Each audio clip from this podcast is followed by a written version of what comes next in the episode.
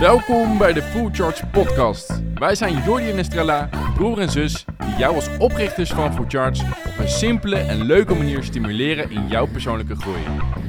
Want door dagelijks te groeien als persoon kun je beter omgaan met de uitdagingen die op je pad komen, zit je fysiek en mentaal lekker in je vel en ervaar je meer geluk op alle vlakken in het leven. Laat je inspireren en groei met ons mee. Isabel Veteres, welkom bij de Full Charge podcast. Het is leuk dat je hier bent. Ehm, jij omschrijft jezelf als mindset coach, als ik het goed heb, hè? Ja, klopt. Eh, en dat is natuurlijk best wel een breed begrip. Eh, heb je dan iets waar je je specifiek op focust? Ja, zeker. Ik zorg er eigenlijk voor dat de mensen die een plan hebben, dat ze het daadwerkelijk gaan uitvoeren. Dus niet alleen maar praten over mindset, maar vooral doen en eh, zo ook resultaten behalen. Dus dat is mijn focus om bij mensen te bereiken. Ja, ja, want we hadden het net al even kort over, over je boek. En dat is uh, stoppen met uitstellen. Ja. Um, waarom heb je precies dat uitstellen gekozen? Om daar de focus op te leggen? Ja, omdat er heel veel overtuigingen zijn over uitstelgedrag die niet kloppen. Vaak denken mensen dat uitstelgedrag een uiting is van luiheid of het ontbreken van een passie. En ik zie vaak dat dat helemaal niet klopt. Het is vaak een gevolg van een overwhelm aan informatie, veel te hoge doelen stellen en dat op korte termijn willen bereiken, uh, perfectionisme, waardoor je geen fouten wil maken. En dat leidt bij een heleboel mensen tot uitstelgedrag. Een heleboel mensen die weten wel wat ze moeten doen, maar ze doen het niet. En we leven ook in een maatschappij waarin informatie in overvloed is. Vroeger was dat niet zo, dan betaalde je heel veel geld om een programmaatje te volgen. Of dan kreeg je het zelfs op cd'tjes of uh, dvd'tjes. vandaag de dag hoef je maar te googlen en dan kan je overal gratis e-boeken downloaden en programma's volgen. Dus ik zie dat mensen dat dan gaan bingen, waardoor ze niet in actie komen. En dat leidt weer tot een heleboel frustratie bij mensen. Want dan weet je het wel, maar dan doe je het ook nog eens niet. Dan kan je het bijna beter niet weten. Toen dacht ik, nou, wat nou als ik mensen daar dan bij ga helpen, dat ze het ook echt gaan toepassen. 90% van de informatie die ze hebben aan de kant laten liggen. En die 10% wel gaan inzetten. En als je dat gaat masteren, dan ga je wel resultaten behalen. Ja. Dus dat was voor mij de aanleiding om het boek te gaan schrijven en om die methode vast te leggen. Want dat is al de methode waar ik jaren mee coach. Maar ik kreeg zoveel vragen van mensen van ja, hoe, hoe doe je dat nou? Dat ik dacht, oh, wat is een leuke uitdaging om dat ook vast te leggen. Want voor mij is dat heel vanzelfsprekend dat ik dat doe of dat ik dat mensen aanleer. En juist door een boek daarover te gaan schrijven, moet je weer op een ander niveau erover gaan nadenken. Ja, dat is tof en herkenbaar. Ja. ja. En dat, dat uitstellen en het heel veel informatie hebben, maar geen actie ondernemen. is dat ook iets waar jij zelf tegenaan liep een tijd geleden? Ja, 100 procent. Ik was kampioen uitstellen. wow. ik, uh, zeker toen ik nog studeerde. Ik studeerde psychologie. Dus dan leer je heel veel over het brein. En toch stelde ik alles uit. Het leren van mijn tentamen stelde ik uit. Zelfs het doen van mijn boodschappen stelde ik uit. Of het gaan naar mijn werk destijds in loondienst erbij. En je voelt je constant gestrest. En je weet dat je het anders moet doen. En toch lukt het niet om dat te doen. Mm. En toen begon ik met me verdiepen in mindset. En dan kom je in die wereld. Een soort walhalla aan informatie. En het voelt allemaal supergoed en super inspirerend. En toen dacht ik na een jaar van... Ja, ik, ik voel me aan de ene kant wel wat beter. Maar aan de andere kant voel ik nog dat er een heel deel van mijn potentieel is wat ik nog niet heb benut. Maar ik kom er niet bij omdat ik alleen maar zit in dat informatie. En toen ben ik echt gaan kijken van hoe kom ik dan over tot actie. En lang over gedaan om uh, die geheimen natuurlijk te ontdekken, want die vertellen ze je niet. Want het is natuurlijk veel fijner om je de hele tijd informatie te kunnen blijven verkopen in plaats van een formule waarbij je geen coach meer nodig hebt. Uh, dus die ben ik voor mezelf gaan ontrafelen en uh, gaan testen. En dat heeft er bij mij ook voor gezorgd dat ik uh, een van de sterkste vrouwen van de wereld ben geworden. Omdat ik het in de sport heb ingezet. Daarna heb ik het ingezet om een bedrijf te laten groeien. Dus in no time had ik een succesvol bedrijf. Heb ook nooit fulltime in loondienst hoeven werken na mijn studie. En ben ik dat daarom ook aan anderen gaan leren van hoe gebruik je die methode en hoe hoef je daarna ook geen coach meer te hebben op het gebied van uitstelgedrag. Mm. Want anders wordt het ook een soort businessmodel, vind ik vaak van ja, je moet altijd coaching blijven houden. En die coach heeft weer een coach. En vanuit de topsport weet ik wel hoe belangrijk coaching is om jou de dingen te laten zien die je nog niet ziet of, niet, of nog niet weet. Maar ik denk dat het gros van de mensen met een trajectje van drie maanden of een half jaar de rest van zijn leven toe kan. Mm. En ik vind het ook leuk om mezelf uit te dagen om mensen dat te leren. Ja, ja, ja, eens. Heel veel kun je natuurlijk ook zelf aanleren. En dan nog zul je inderdaad soms een spiegel nodig hebben op bepaalde vlakken, maar echt lang niet op alles. Nee. Nee, eens. Mooi je dat zegt. Ik denk dat je er heel anders naar kijkt dan heel veel andere mensen. En Ja. dat je er ook zo voor uitkomt. En je zegt, hè, ik, ik ging op zoek naar de formule, naar de geheimen. Was er een moment dat jij zoiets had van... hey, dit is de eerste stap of de eerste keer dat ik merk dat ik van vooral informatie echt naar actie ga? Ja, dat begon bij mij wel echt toen ik een plan ging maken. Dus ik had een heleboel goede ideeën in mijn hoofd. En ik dacht ook dat ik 200% moest geven. En alles op basis van motivatie moest doen en discipline en wilskracht. En toen ben ik het wat kleiner gaan maken voor mezelf. Want we overschatten vaak wat we op korte termijn kunnen bereiken. En we onderschatten wat we op lange termijn kunnen bereiken. Dus ik ging gewoon eens voor mezelf uitschrijven wat kan ik nou op wekelijkse basis doen om 1% beter te worden. En dan op verschillende vlakken. Dus niet alleen maar focussen bijvoorbeeld op de sport, maar ook op mijn relaties, ook op eh, mijn lichaam en ook op mijn werk. Dus ik heb die vier pijlers en daar stel ik dan hele kleine doelen op, waarvan ik al bijna zeker weet dat ik het ga halen. Maar toch helpt het me een stapje verder. Mhm. Toen begon ik al die doelen te halen en dan geef je weer een beetje bij, doe je weer 1% erbij. Nou, doe je dat een jaar lang, dan ben je meer dan 30 keer beter dan je nu bent. Alleen vaak geven we binnen twee weken al op, omdat we te veel gas geven. En op deze manier kon ik het echt volhouden. Dus dat was een van de tools waar, ja, ik merkte gewoon hoe goed dat werkte. Ja. En wat voor goed gevoel dat ook gaf. Ja. Ja, precies. Ja, want in die eerste twee weken leun je dus natuurlijk op die motivatie. Ja. En als dat wegvalt, ja, dan zit je met een probleem. En dat is natuurlijk waarom je de eerste twee weken dan succesvol bent, maar dat het daarna instort. Ja, en niet altijd succesvol. Je kan alsnog heel hard je best doen. Ja, En dan eh, bijvoorbeeld op het gebied van voeding besluiten we maandag, oh we gaan beginnen. Ik ga alleen nog maar gezond eten. Nou, maandag lukt, dinsdag lukt. Woensdag ben je alweer verleid, want er was een taartje op werk. Dan ga je jezelf mentaal de grond in praten, want nu is alles mislukt. En dan ga je donderdag helemaal los en vrijdag helemaal los en zaterdag en zondag. En maandag begin weer opnieuw. En wat ik dan zie gebeuren is dat je niet op hetzelfde niveau blijft hangen, maar je gaat zelfs achteruit als je op die manier je doelen gaat benaderen. En dat vind ik heel naar om te zien en dat heb ik zelf ook zo ervaren. Dat je het zo graag wil en alleen maar verder van dat doel verwijderd raakt, omdat je dus zo streng bent voor jezelf. Mhm. En ik vind die 1% die je aan het heel mooi. Daar staan wij ook altijd voor, van stapje voor stapje. Dat is ook heel grappig, want ehm, in onze app kun je eh, challenges aangaan. En de eerste vraag die mensen altijd hebben is, kan ik er meerdere tegelijk doen? Ja. ik wil alle, ik wil ze allemaal. Maar ik Ja, heb het ook met dan? coaching. Ik wil alles eruit halen wat erin zit. Dus wat gaat het beste moment zijn om te beginnen? En dan Ja. zeg ik altijd, ja, gisteren. Ja, ja, ja. Oh ja, oh ja. Ja. Want je gaat er nooit alles uithalen wat erin zit. Nee. Je haalt alles eruit wat er voor jou in zit. En dan heb ik liever dat je doorgaat. Dus dat je inderdaad één challenge doet of 1% pakt dan 100%. En een belangrijke aanvulling is denk ik ook nog wel dat mijn methode is om op alle pijlers te focussen. Mhm. Dus als je alleen maar tegelijkertijd oké. want we focussen vaak dan op één ding, maar dan verliezen we weer de rest. Dus als je Mhm. alleen maar gaat focussen op je bedrijf en je gaat 80 uur per week werken en je draait fantastische omzetten, maar ondertussen gaat je relatie eraan, gaat je gezondheid eraan. Mhm. Vroeg of laat gaat dan ook je bedrijf eraan. Ja, eens. Dus al die pijlers zijn wel belangrijk en daarom is het ook zo belangrijk om hele kleine stapjes te zetten erin, want dan hou je het ook allemaal vol en dan ga je ook je level structureel verhogen in plaats van dat je één niveau verhoogt en uit balans raakt. Ja, 100% mee eens. En als je dan hè, ziet, je, je bent op een bepaald punt begonnen, toen dacht je, hé, hey, ik wil tot actie overkomen. Ehm, ben je toen direct ook op alle vlakken het gaan inzetten? Ja. Zeker. Vanaf het begin heb je dat zo gedaan. Ja, maar ik moest mezelf ook echt wel afremmen. En we Mhm. denken vaak dat we aangemo- aangemoedigd moeten worden door een coach. Ik denk dat we vooral afgeremd moeten worden. Dus je moet wel dat setje hebben om in actie te komen. Maar daarna moeten we afgeremd worden dat we niet die 200% willen geven. Dat ik dan denk, oh, ik eh, kan bijvoorbeeld eh 10 kilo meer tillen. Nou, dan doe ik ook wel 20 of 30 en dan raak je overbelast. Ja, Dus het is zo'n een fine line waar je op moet balanceren. ja, ja, cool. Dus Ja. liever iets te weinig doen en dan denken, ik, ik, het kost me geen moeite. Dan dat je te veel doet en moet hustelen en het klinkt heel stoer, maar eigenlijk is het helemaal niks waard. Nee, en dat is ook met het, het kost geen moeite. Het kost één keer misschien geen moeite. Maar doe het maar eens op dagelijkse basis, weet je wel. Dan ineens wordt het ingewikkelder. Die, die... Ja, en waarom moet het altijd moeite kosten om iets te bereiken? Dat is ook een Precies. overtuiging zoals ik het zie. Ik heb voor mijn gevoel moeiteloos mijn topsportcarrière beoefend. En Ja. moeiteloos ben ik gaan ondernemen. Dat betekent niet dat ik geen tegenslagen heb gehad. Maar omdat ik die kleine stapjes zet, blijf ik er lol in houden. En ja, bereik je meer dan wanneer je onderweg geblesseerd gaat raken. En, en nu snap ik het helemaal in- in, in de happy flow. Hè? Dus je stelt hele kleine stapjes en, en die behaal je allemaal. Maar ik kan me ook voorstellen dat heel veel mensen dan zoiets hebben van... oké, ik bepaal dat kleine stapje, maar toch lukt het me dan niet. Wat is dan het advies wat je dan geeft eh, aan die mensen? Ja, dat is vaak waar de coaching begint. Hè? Dus Ja. dan word ik excited als eh, mensen een doel met mij hebben bepaald. Ik Ja. eh, werk altijd op basis van tien doelen. Meer ook niet, want dan ga je het vergeten. En er zijn dan tien doelen in die, van die verschillende kleine categorieën dan. In die vier pijlers die je net ook aanhaalt. Exact. En ik heb bijna altijd wel dat mensen minimaal één doel niet halen. Ja. En dan is het interessant om te kijken van wat zit daarachter. Dus stel dat je een doel hebt gesteld om elke dag twee minuten niks te doen. Nou, het moet heel haalbaar zijn en toch doe je dat niet. Maar waarschijnlijk zit er dan een overtuiging achter. Dus misschien heb jij jezelf al verteld dat je hard moet werken voor succes.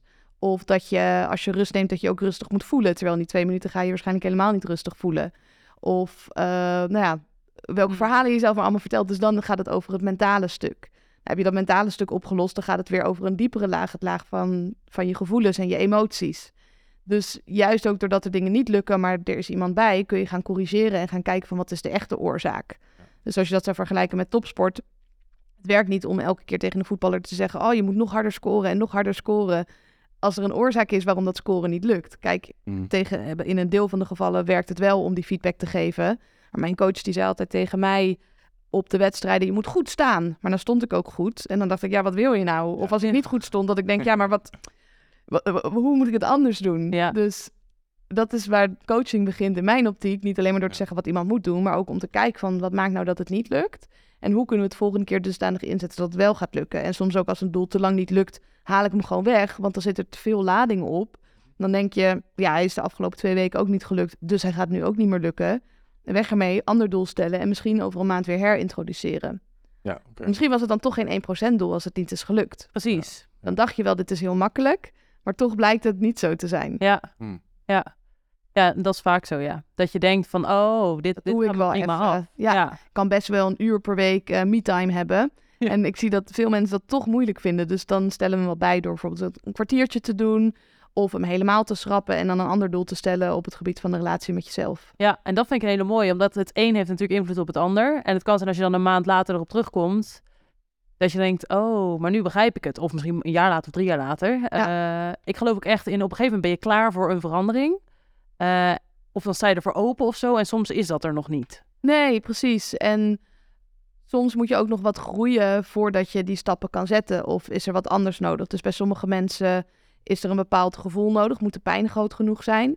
Anderen hebben wat meer informatie nodig. Die snappen dan als ze informatie hebben gezien van... oh, slaap is toch wel belangrijk. Dan zeg ik bijvoorbeeld van... joh, haal zo'n Fitbit, ga eens kijken hoe je slaap is. En misschien lukt het je dan wel om een half uur voordat je gaat slapen... je scherm weg te leggen. Want dan zie je gewoon zwart op wit aan de data dat het niet best is. En dan Mm. kan je voor jezelf nog elke keer het verhaal vertellen van... het valt wel mee en ik slaap toch acht uur. En nou, ik voel me niet heel uitgerust, maar kom wel de dag door. En dan zie je ineens zwart op dat wit. wat anders? Ja. Hier staat wat anders inderdaad. Het is niet best. En dat helpt dan wel om te veranderen. Dus een van de dingen die ik ook met mijn klanten doe, is eh, bloedtesten.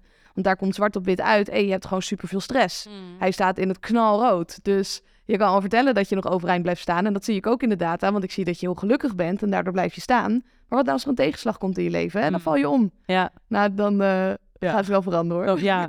Ja, Ja. dus wat ik ook doe is gewoon het druk op die pijn. Want we willen vaak veranderen op basis van ofwel iets, het krijgen van iets leuks Ja. of het vermijden van pijn. precies. Maar over het algemeen zijn we gemotiveerder om pijn te vermijden dan om leuke dingen te krijgen. Helaas, En ja. een heleboel coaches zijn niet bereid om op die pijnpunten te drukken. Die willen leuke gesprekken voeren, die willen aardig gevonden worden. Nou, gelukkig heb ik dat niet. Ik, ja, ik, ik, ik hoef niet aardig gevonden worden door mijn klanten. Daarom vinden ze me juist aardig, omdat ik die dingen wel tegen ze zeg. Ja. Dan druk ik wat extra op die pijn en dan gaan ze het wel doen. Ja. Dat is wel interessant om te horen hoe je dan echt die data gebruikt. Dus echt eh, wat zwart op wit staat om mensen dan alsnog eh, in de actiemodus te krijgen. Ook als het ware door Ja, wat inzicht te geven. Ja, precies. Dat is wel echt goed. Ja. Ik, eh, ja, het het is ook goed, want het is natuurlijk bewezen dat dat de manier is om Exact. actie te krijgen. Ja, en je hebt natuurlijk verschillende vormen van data. Dus ik kan dat echt zwart op wit meten met bloedtesten of slaaptesten. Maar ik ga ook met mijn klanten trainen. En voor elke klant is dat wat anders. De een heeft meer yoga nodig om Ja. te zien van... hé, hey, je kan nog niet eens je tenen aanraken, dus ga wat doen eraan. Ja. Of juist naar de sportschool om te ervaren dat die krachttraining ook heel lekker is voor je lijf... maar ook heel veel weerstand oproept. Dus ik denk ook dat niet alleen maar het praten over mindset belangrijk is... maar het vooral ook gaan doen en in de praktijk gaan uitvoeren... en daarin ook de grenzen opzoeken. Dus we hadden het net al even over die ijsbaden. Als je bij mij in een traject stapt, dan gaat iedereen gaat gewoon het ijsbad in. En dat vinden ze heel oncomfortabel, maar toch eh, werken nog steeds mensen met mij. En het ijsbad is ook een spiegel, is ook een vorm van data. Want als je daarin gaat en je bent het aan het vechten van... "Oh, verdomme, dit is koud, ik heb hier geen zin in. Waarschijnlijk doe je dat ook op andere vlakken van je leven. Of als je aan het vluchten bent, als je het aan het vermijden bent... dat je als laatste dat badje ingaat of heel snel eruit gaat. Nou, dan Ja. doe je dat waarschijnlijk ook op andere vlakken van je leven. Dus zo maak je het ook nog meer inzichtelijk van eh, ja, hoe je iets doet, hoe je alles doet. Ik las vandaag op Instagram eh, van een andere coach die zei... oh, mijn, eh, die had zo'n foto gepost van mijn gezicht... als ik lees dat een coach zegt hoe je iets doet, is hoe je alles doet. En dan zo'n gek gezicht erbij. Toen dacht ik, oh ja, tuurlijk, ik snap dat je dat zegt... Maar het is ook echt zo. Dat vaak met die one-liners hè, en, en die open deuren. Het klopt wel, Ja. maar je ziet het pas als je het hebt ervaren zelf. Dat is echt waar. Ja. Ja. Ja, ja, En jij bent op een gegeven moment die sportkant opgegaan. Is, was dat een bewuste keuze? Ben je daar ingerold? Hoe is dat gegaan? Ik had altijd wel als droom om topsporter te worden, maar kwam er elke keer net niet. Dus ik heb geturnd op hoog niveau, maar op de balk was ik zo bang om te vallen dat ik niet zo hoog durfde te springen. Of ik heb gerugbied op hoog niveau, maar ik was heel bang om geblesseerd te raken. Dus ik durfde ook niet echt al in te gaan. En ja, mijn mindset was ook niet al te best. Dus als ik enigszins niet hoefde te rennen, dan vond ik het ook wel prima. En toen had ik aan mijn mindset gewerkt. Ik had coaching gehad. Ik had boeken gelezen. Ik was in actie gekomen. Toen dacht ik, oh, wat nou als ik eens 100% geef in het sporten? Wat zou er dan mogelijk zijn? En ik had al wat wedstrijdjes in powerliften gedaan. Meer doordat anderen me hadden aangemoedigd dan dat ik dat echt wilde. Want ik had overtuigingen dat mijn spierballen te groot zouden worden. Of dat ik blessures zou krijgen. En dat viel eigenlijk wel mee. Toen dacht ik, wat nou als ik hier echt voor ga? Want ik zag dat het mogelijk was voor mij om naar het wereldkampioenschap te gaan. Het Europees kampioenschap. En toen ben ik daar serieus voor gaan trainen. Toen kwalificeerde ik ook. Toen dacht ik, oh, dit is cool. Ga mijn doelen wel bijstellen naar boven. Misschien kan ik daar wel een medaille winnen. En toen won ik uiteindelijk vijf medailles, waaronder een gouden. Toen dacht ik, wow, dit is vet. maar tegelijkertijd zag ik dat een heleboel meiden daar ook aan het huilen waren. En niet van verdriet, uh, of niet van blijdschap zoals ik, maar van verdriet. Mm. Want ze hadden verwacht dat ze zouden winnen, maar ze, ze wonnen niet. Mm. Dus we denken vaak dat een topsportmentaliteit is de wil om te winnen en doorgaan ondanks alles. Nou, zo zie ik dat helemaal niet. Ik zie dat juist als het genieten van het proces, balans houden met je rust en daardoor topprestaties kunnen leveren, want je bent niet gehecht aan het resultaat. Want ik kwam daar met de bereidheid om te verliezen en dat is waarom ik won. Hm. En vanuit daar dacht ik, oké, ik kan er wel nog een jaar topsport doen of nog een jaar of nog een jaar, maar wat bereik ik daarmee? het is leuk dat ik hier op een podium sta en iedereen staat naar mij te kijken, maar het is alleen maar inspiratie. Hè? Dat gaat weer over die actie. Ik breng mensen niet in actie. Dus toen heb ik de keuze gemaakt om mijn eigen bedrijf op te zetten en om mensen echt te helpen om in actie te komen.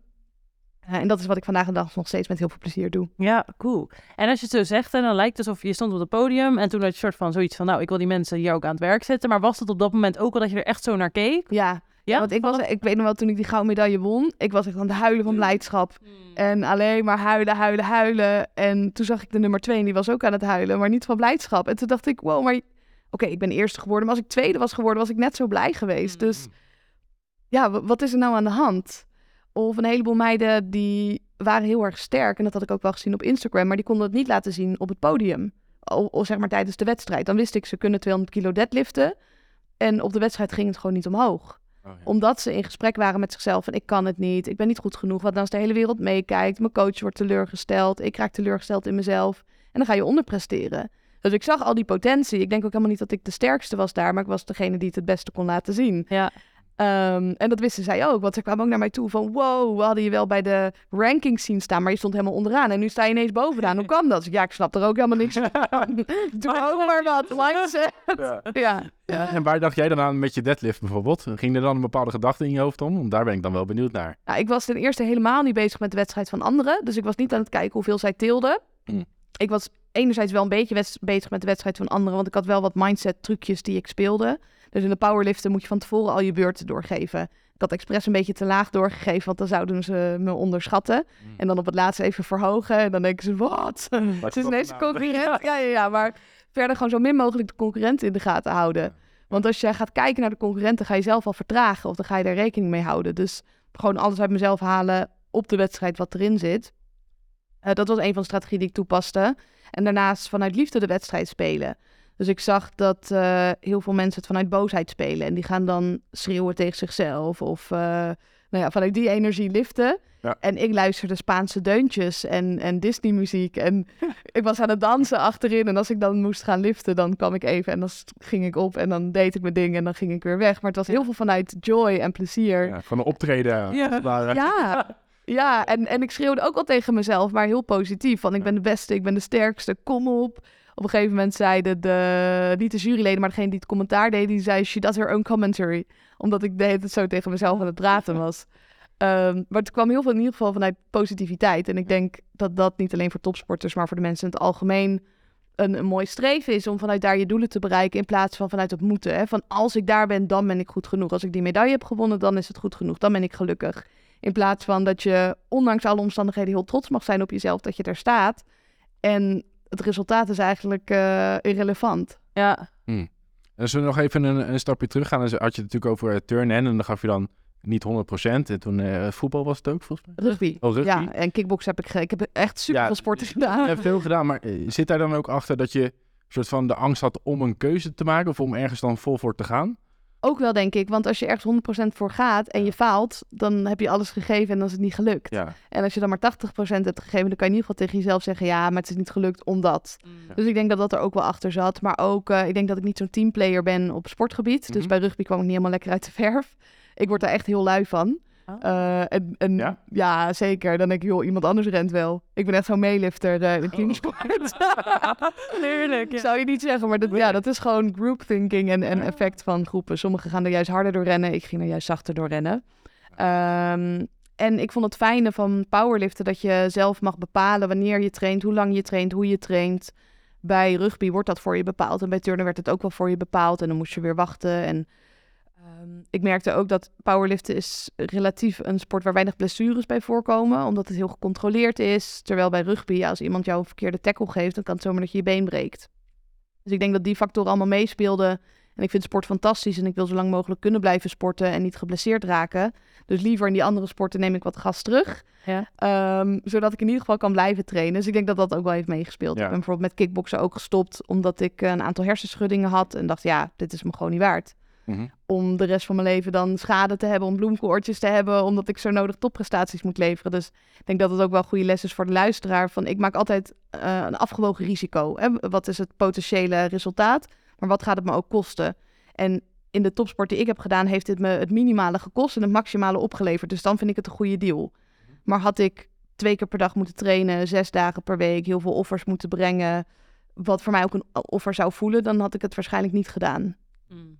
Staan die criteria dan ook in je boek? Van op basis waarvan je dan keuzes Ja, je moet gewoon voor jezelf bepalen. En er zijn heel veel inzichtsvragen in mijn boek, want ik kan jou niet vertellen wat je moet doen. Ja. Ik zie dat veel goeroes dat doen en ik wil me bewust zo niet neerzetten. Mhm. Ik wil dat je zelf tot inzichten komt en dat je zelf gaat nadenken. Dat je voor jezelf gaat bepalen van oké, wat gaat het me in potentie opleveren? Wat gaat het me in potentie kosten? En kan ik het risico ook dragen daarvan? Dus stel je gaat investeren. En je gaat investeren in crypto. Nou, we weten allemaal hoe de markt er momenteel uitziet. Ehm, maar stel je hebt 5000 euro en je wil het in crypto gaan stoppen. Nou, de potentie is misschien dat het keer 10 gaat. Maar de potentie is ook dat je alles kan gaan verliezen. Kan je dat dragen? Dat risico? Is het geleend geld? Moet je het ooit nog terugbetalen? Is het je belastinggeld? Of is het geld wat je hebt verdiend, wat je anders op de bankrekening zou laten staan, wat je letterlijk niet uitmaakt als je dat allemaal zou verliezen? Dat moet je allemaal voor jezelf bepalen. Dat kan ik niet voor iemand bepalen. Dus je moet bij jezelf ook nagaan, wat is mijn risicoprofiel? Wat ben ik ook bereid om te verliezen? Wat ben ik bereid om te winnen? En past dat erbij? Dus de ene die zal investeren in crypto en de ander zal helemaal niet investeren. Of de ander weer in aandelen. Ja. Ja. En zo zie ik dat ook op het ondernemerschap of op de sport of eh, op relatievlak. Hè, ben je bijvoorbeeld bereid om je relatie te verbreken op het moment dat het de zes is en het blijft de zes. Met het vertrouwen dat er iets is wat beter bij je past. Zo heb ik mijn vorige relaties verbroken. Niet per se omdat we elkaar in de haren vlogen of uh, omdat het vreselijk was, maar gewoon dat ik het op zich wel prima vond. Maar dat, dat voelt voor mij niet als het leven wat voor mij is weggelegd. Mm. Ja, en dan durven we vaak niet te stoppen uit angst dat er niks beters gaat komen. Ja, ja, en dat is weer mindset. Ja, 100 procent. ja. Dan kom je toch weer daar terecht. Ja. ja. En als we kijken naar het hele stuk mindset, dat is super breed natuurlijk. En we hebben al hier en daar wat tips en punten aangehaald. Uh, wat zijn dingen die jij elke klant in ieder geval meegeeft op dit vlak? Ja, dat je uit comfortzone moet komen. Dus dingen moet doen die je anders niet zou doen. Dat is de beste benaming, denk ik. Want het hoeft niet altijd vervelend te zijn. Dus het kan ook zijn dat je een andere route naar je werk gaat nemen. Of net een ander product gaat kopen of een ander receptje gaat maken. En daardoor, door die verandering, voel je ineens dat je leeft. Een heleboel mensen die komen in de sleur terecht, doen elke dag hetzelfde. Hebben het gevoel dat ze geen controle meer hebben over hun leven. En als je elke week iets gaat doen wat buiten die comfortzone is, dan voel je ineens weer dat je aan het leven bent en dat jij weer die regie terugkrijgt. En een van de dingen die ik ook altijd meegeef is ga kouder douchen ter voorbereiding op het ijsbad. dat is misschien minder comfortabel, maar uiteindelijk daarna voel je ook dat je leeft. Dan komen er allemaal stofjes vrij, waardoor je je lekker voelt. Nou, die stofjes komen ook vrij als je nieuwe dingen gaat doen. Dus dat is ook iets wat ik veel van mijn klanten meegeef. Ja, ja, dat is een belangrijke, 100%. En die groei, daar gaan wij ook altijd heel lekker op. Maar wat mij wel heel erg opvalt, is tegenwoordig zie je heel veel mensen die ook aangeven van ja, ik ben toch goed zoals ik ben, dus waarom moet ik groeien? Onzin, onzin. We zijn gemaakt om te groeien. Dus Zo sta ik er ook echt ja. Onze haren groeien, onze nagels groeien. En als je het vergelijkt met de natuur, kijk, niet iedereen gaat uitgroeien tot een hele hoge boom. Misschien ben je wel een zonnebloem of misschien ben je wel een grasprietje, maar ook het grasprietje groeit nog. Dus Precies. Ik, ik geloof niet dat mensen er oprecht oké okay mee zijn dat ze niet groeien. Nee. Dat is weer dat verhaal waar we het net over hadden, hè? van oké, dan geef ik gewoon maar 50% en als het niet lukt, dan is het niet zo erg om jezelf in te dekken voor dat falen. Ik denk dat het eerder een uiting is van perfectionisme dan dat ze niet ambitieus zijn. Mm. Want als die mensen nu op een rode knop zouden drukken en ze zouden dan komen bij hun doel, met nul kans op falen, dan zouden ze er 100% op drukken. Ik geloof niet dat ze dan zouden zeggen van, oké, ik heb de droom om miljonair te worden, maar ik vind het wel goed zoals het is. Ik kan op die rode knop drukken en dan ben ik er. Dat ze er niet op drukken, want ze zijn zo happy. Eens. Ja, dan gaan Ja. ze al nat. Ja, ik, ik vind dat ook. En ik, ik, ik begrijp deels wat ze zeggen van wees wel tevreden met wie je nu bent. Absoluut. En dat is ook wat 100%. ik zeg. Hè. Je kan super dankbaar zijn voor waar je nu staat. En juist vanuit daar weet je het allerbeste voor jezelf. Precies, als het goed is wel. Ja, En anders dan is het weer mindset van hoe zorg je ervoor dat je wel het beste wil voor jezelf. Exact. Ja, Ja, dat is ook te verklaren, omdat we natuurlijk wel als basisberoepte willen we de zekerheid. Dus we willen ons comfortabel voelen. Dus dat is dan ook een, een plek waar heel veel mensen ook blijven. Van als alles comfortabel is, dan zie ik geen reden om te veranderen. En, en dat, Ja, het is vooral vanwege de risico's die ze Ja. niet bereid zijn om te nemen. Want Ja. ik ben nu comfortabel. Hè. Ik heb bijvoorbeeld eh, mijn hypotheek die ik maandelijks moet afbetalen. Dat kan door middel van mijn baan. Ik heb een partner die op zich wel oké is. Ehm, ja, en als ik daaraan ga rammelen, misschien valt dan wel een van die dingen om. En ben ik bereid om een van die dingen om te laten vallen, heb ik ook het vertrouwen in mezelf dat ik dat weer op kan bouwen voordat ik de volgende stap zet. Want ik heb ook in die situatie gezeten. Ik had eh, samen met mijn eh, ex-partner eh, hadden we een woning. We hadden een hondje samen. En toch heb ik besloten om de relatie te verbreken, omdat het op zich wel oké was. Ja. En mensen snappen daar helemaal niks van. ik snap het wel. Ja, en nu heb ik een fantastische relatie en ben ik elke dag nog mega gelukkig en dankbaar dat ik die keuzes heb gemaakt, omdat ik anders nooit op dit punt had gestaan. Ja. Maar eh, tenminste, als ik het alleen al hoor van ja, ja het is oké. of ik heb een fantastische relatie. Gewoon dat verschil. Da- Ja, Dat wil je. Ja. ja. maar heel veel mensen settelen wel voor oké. En dat is Ja. ook de reden dat heel veel mensen vallen af en dan komen ze weer aan, want ze vallen net af tot het punt dat het oké is en dan vallen ze weer terug in oude patronen. Dus daarom denk ik ook dat het zo belangrijk is om te gaan voor die 9 of die 10. Kijk, het is makkelijker om van een 4 naar een 6 te gaan dan van een 9 naar een 10. Mhm. Maar aan de andere kant is het veel duurzamer om op die 10 te zitten dan op die 6. Want stel dat er een tegenslag is en je zit op die 6, dan schiet je meteen naar het rood, naar die onvoldoende en dan zakt dat af. Terwijl als je op die 10 zit of op die 9 en er is dus een tegenslag, dan heb je wel ruimte om dat te incasseren. En dan even iets heel anders. Want dit, dit gaat heel erg over, nou ja, inderdaad, die 9 en de 10 en hoog en, en presteren en goed voelen. Ehm, ik denk dat, dat heel veel kijkers en luisteraars nu zoiets hebben. Oké, maar ik heb gewoon echt veel tegenslagen. Dat heeft iedereen. Maar zo denk je dan misschien, hè? Ja. Weet je, in die slachtofferrol. Kan ik helaas over meepraten? Ja, Ja, maar, maar op de momenten dat jij dat ervaart, want we, ervaren, we hebben allemaal tegenslagen. natuurlijk. Wat, hoe pak jij dat aan? Want ik denk dat dat voor heel veel kijkers en luisteraars super interessant is.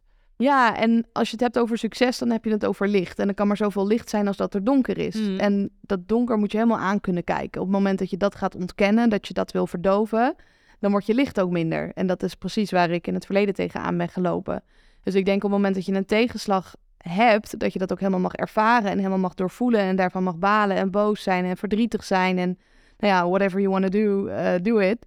Eh, en daardoor kan je juist doorgaan. Ik heb eh, zelf helaas mijn moeder verloren een aantal jaren geleden. En ik zag ook in mijn omgeving hoe mensen daarmee omgingen. Ofwel door nog harder te werken. Of door je verdriet weg te drinken en laten gaan slapen en meer te gaan roken en de hele dag op bed te liggen. En al die manieren zijn een uiting van onderdrukking. In plaats van dat je dat gevoel voor jezelf mag aankijken, er hulp bij vraagt. Ik heb natuurlijk zelf er ook hulp bij gezocht bij het verwerken ervan. Eh, ruimte ervoor nemen, voor stilte, voor niks doen, voor erover praten met andere mensen. En vanuit daar kan je weer door. In plaats van dat je blijft hangen in die tegenslag. Want die tegenslagen gaan er komen. We gaan mensen verliezen. Er gaan dingen mislukken. Misschien ga je ontslagen worden. Misschien ga je relatie nog wel verbreken. Of whatever er gaat gebeuren.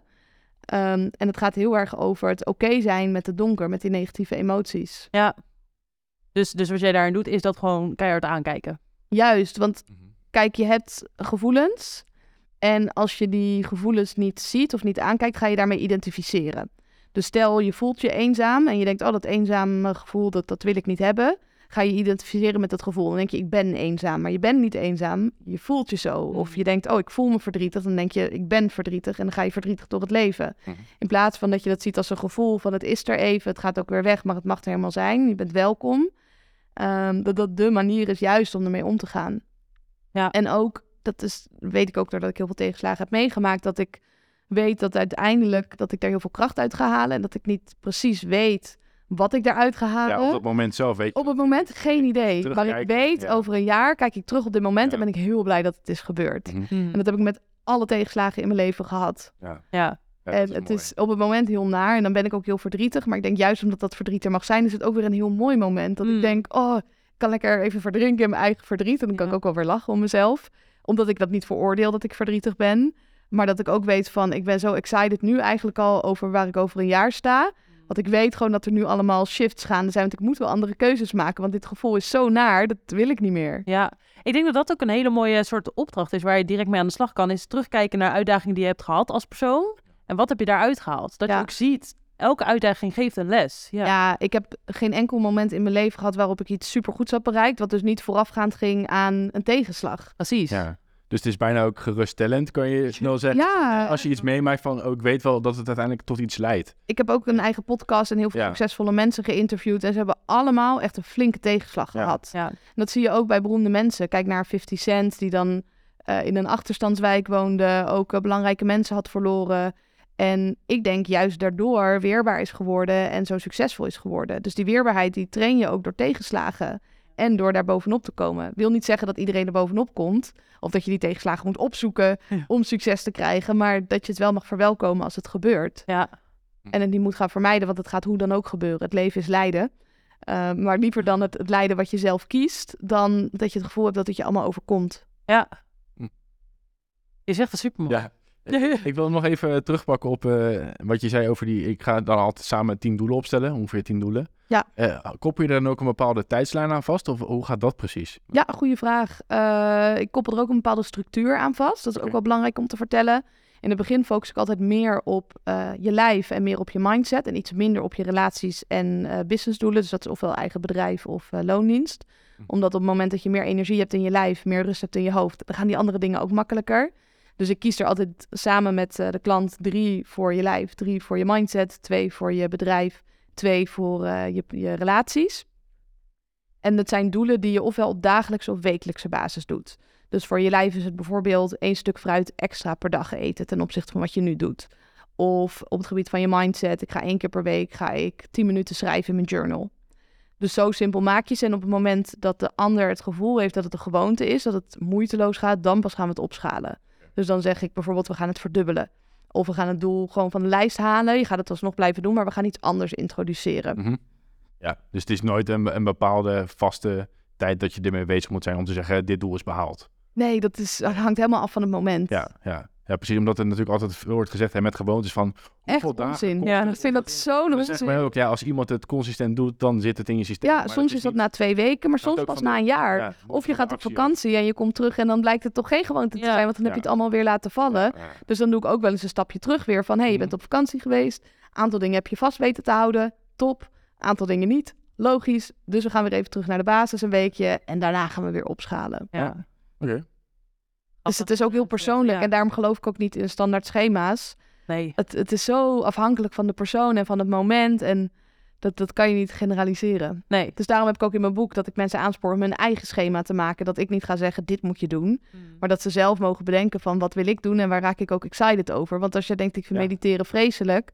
Dan kan je wel twee minuten per dag niks doen als opdracht krijgen van mij. Maar dat ga je toch niet doen. Nee. Dus dan kan je beter vijf minuutjes buiten in de natuur wandelen. Als je daar ook uh, heel blij van wordt. En we denken dus, wat ik al zei, vaak dat dingen heel veel moeite moeten kosten. Maar waarom zouden we niet mogen gaan voor dat laaghangende fruit?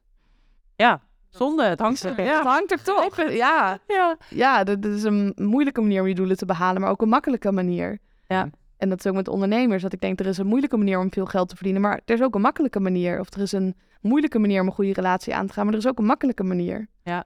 Dus waarom dan niet voor die makkelijke weg gaan? Ja, stom is dat, hè? Dat we ja. mensen toch uh, naar neigen. En we hebben het veel ook over hè, overtuigingen die erachter zitten.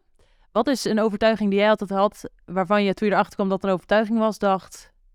Nou, dit heeft me toch zo geblokkeerd. Waarom heb ik dit altijd zo geloofd? Ja, ja, ja. ik denk dat we met z'n, zeg maar, op, op uh, wereldsniveau twee overtuigingen hebben, die we allemaal hebben. Dat is, ik ben niet goed genoeg mm -hmm. uh, en ik hoor er niet bij. En dat waren echt mijn twee overtuigingen. Oh, ja. ja. en dan gaan we ons aanpassen. Ja. Dan denk ik, ik, hoor niet goed ik ben niet goed genoeg en ik hoor er niet bij. Vanuit, ik ben niet goed genoeg, had ik de overtuiging, ik doe niet goed genoeg, dus ik moet meer doen. En dan ging ik heel hard werken. Of helemaal niks doen, want het was toch nooit goed, dus dan maakt het ook niet meer uit. Of vanuit, ik hoor er niet bij, kwam bij mij dat ik me ging aanpassen, me niet ging uitspreken, dus niet meer mezelf was. En daardoor vond ik mezelf ook niet meer leuk. Dus die twee houden elkaar ook weer in stand. Ja. ja. Wat was dan voor jou het punt dat je daar inzicht in kreeg? Mm. Goeie vraag. Ik denk vooral toen ik mijn eetstoornis had. Mhm. Eh, ik heb een hele ernstige eetstoornis gehad waarbij ik op het randje was van de dood. En iedereen in mijn omgeving die zei, heb jij dat gekregen? Dat had ik achter jou helemaal nooit gezocht. Je bent zo'n zelfverzekerde vrouw, je doet het allemaal goed. Dat ik dacht, oh ja, mensen zien mij heel anders dan dat ik mezelf zie. Er is een mismatch. Ja, ja. Volgens mij moet ik hier aan gaan werken. Dus toen ben ik elke dag eh, vijf dingen gaan opschrijven waar ik trots op was. Ik had een eigen motivatieboekje gemaakt. En ik ben vooral meer gaan focussen op de binnenkant in plaats van de buitenkant. Want ik deed al die dingen aan de buitenkant. Ik was toen ook al, eh, ik deed turn op hoog niveau. Ik zat op een gymnasium. Ik had leuke vrienden. Ik leek het allemaal te hebben en toch was het niet goed genoeg. Ja. Dus toen dacht ik, ja, ik kan wel allemaal dingen in die externe wereld gaan krijgen. Maar het gaat nooit bijdragen aan hoe ik me van binnen voel. Als ik elke keer dat verhaal maar vertel van, ik ben het niet waard, ik ben niet goed genoeg. Strakjes dan is het allemaal weg. Dus toen ben ik meer op die binnenkant gaan focussen. En dat is een veel steviger fundament, denk ik ook, dan eh, die externe wereld. Ja, mooi.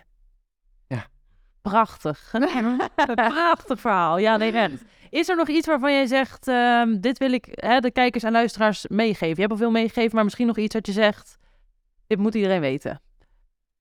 Nee, ik denk vooral eh, ga stoppen met dingen weten. Ja, Eh, ik wil niet jullie luisteraars onttrekken, maar eh, Ja. ga minder focussen op informatie. Ja, Eh 10% is maar informatie, 20% is interactie en 70% actie. Ja. Dus het klinkt allemaal heel tof, hè? Mensen die zeggen, ik luister elke dag een podcast en ik lees een boek per week. Ja, bullshit. Wat doe je daarmee? Wat doe je ermee? Ja, waarschijnlijk helemaal niks. Ja. Dus ik ben een groot fan van het eh, IF-dieet. Ik heet zelf ook Isabelle Viteris, maar dit is het informatievast-dieet. Oh, ja. Waarbij je dus minder informatie gaat opdoen. Want informatie kan ook een manier zijn om die gevoelens dus te onderdrukken. ja. Dus stop maar eens met het opdoen van al die informatie. Ga maar eens een weekje even geen podcast te luisteren.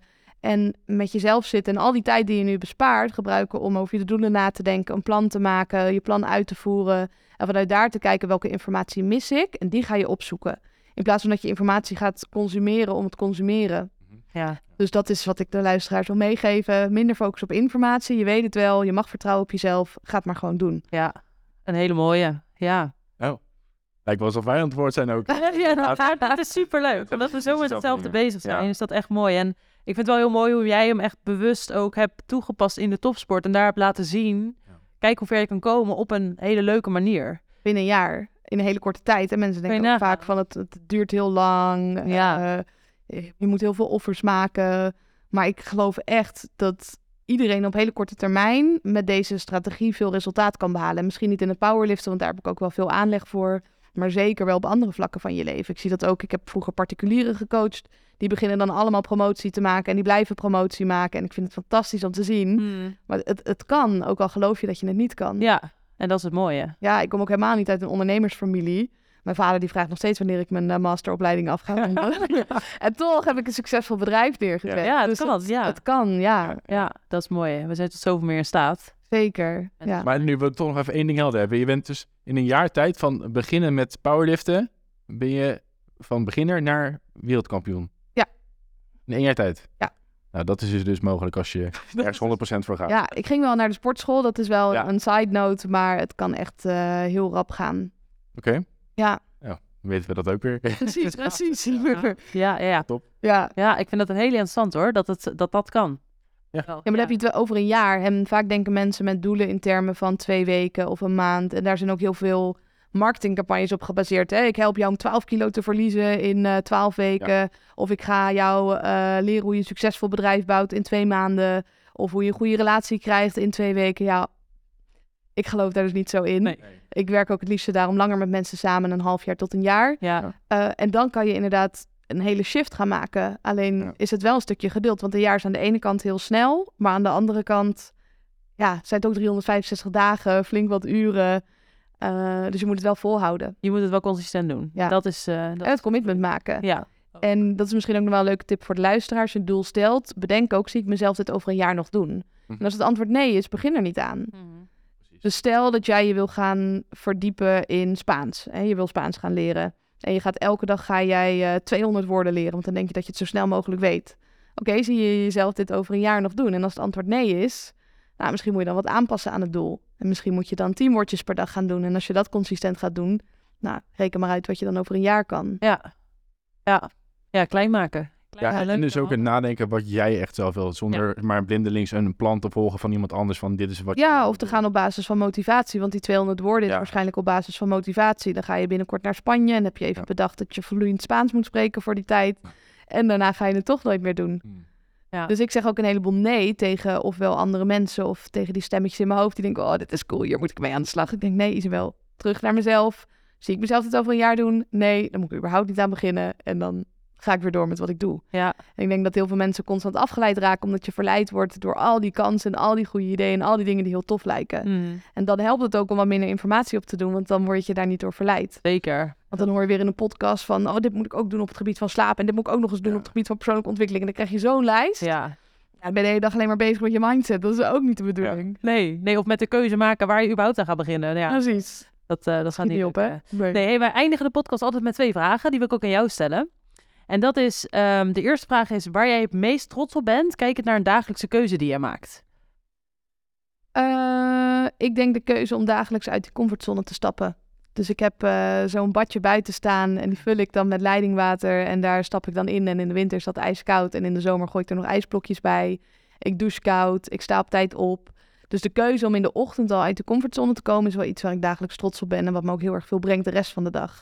Dat kan ik me goed voorstellen. Ja. Ja, ja. Zijn er ook wel eens dagen dat je het niet doet? Tuurlijk, tuurlijk. Fijn. Dagen dat ik met mezelf in gesprek ben of ik het wel of niet ga doen. Dus eh 6 januari ben ik jarig en ik vond het op de een of andere manier een hele goede reden om dan niet de weerstand op te zoeken. Want het moet toch wel lief zijn van mezelf. En toen dacht ik daarna, nee, juist vandaag moet ik het gaan doen. En toen heb ik het wel gedaan.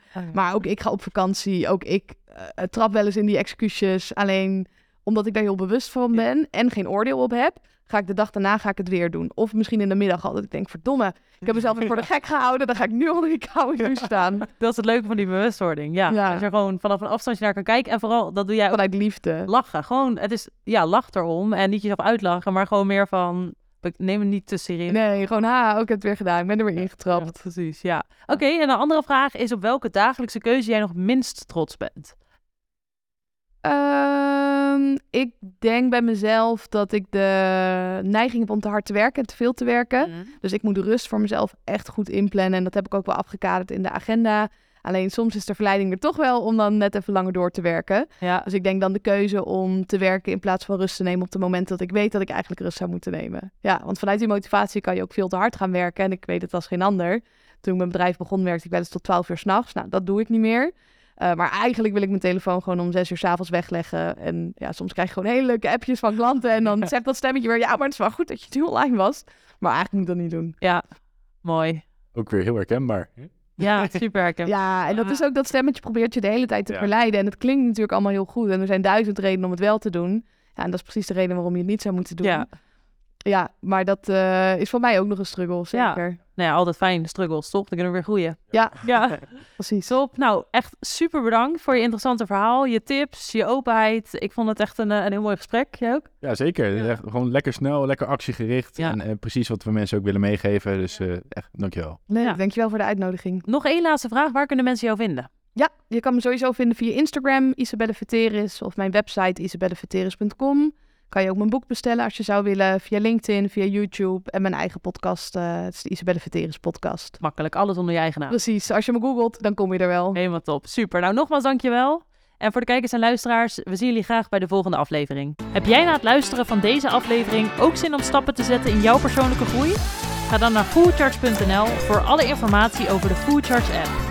Hiermee leg je dagelijks de focus op jezelf en werk je actiegericht aan hetgeen waar jij nu in wilt groeien.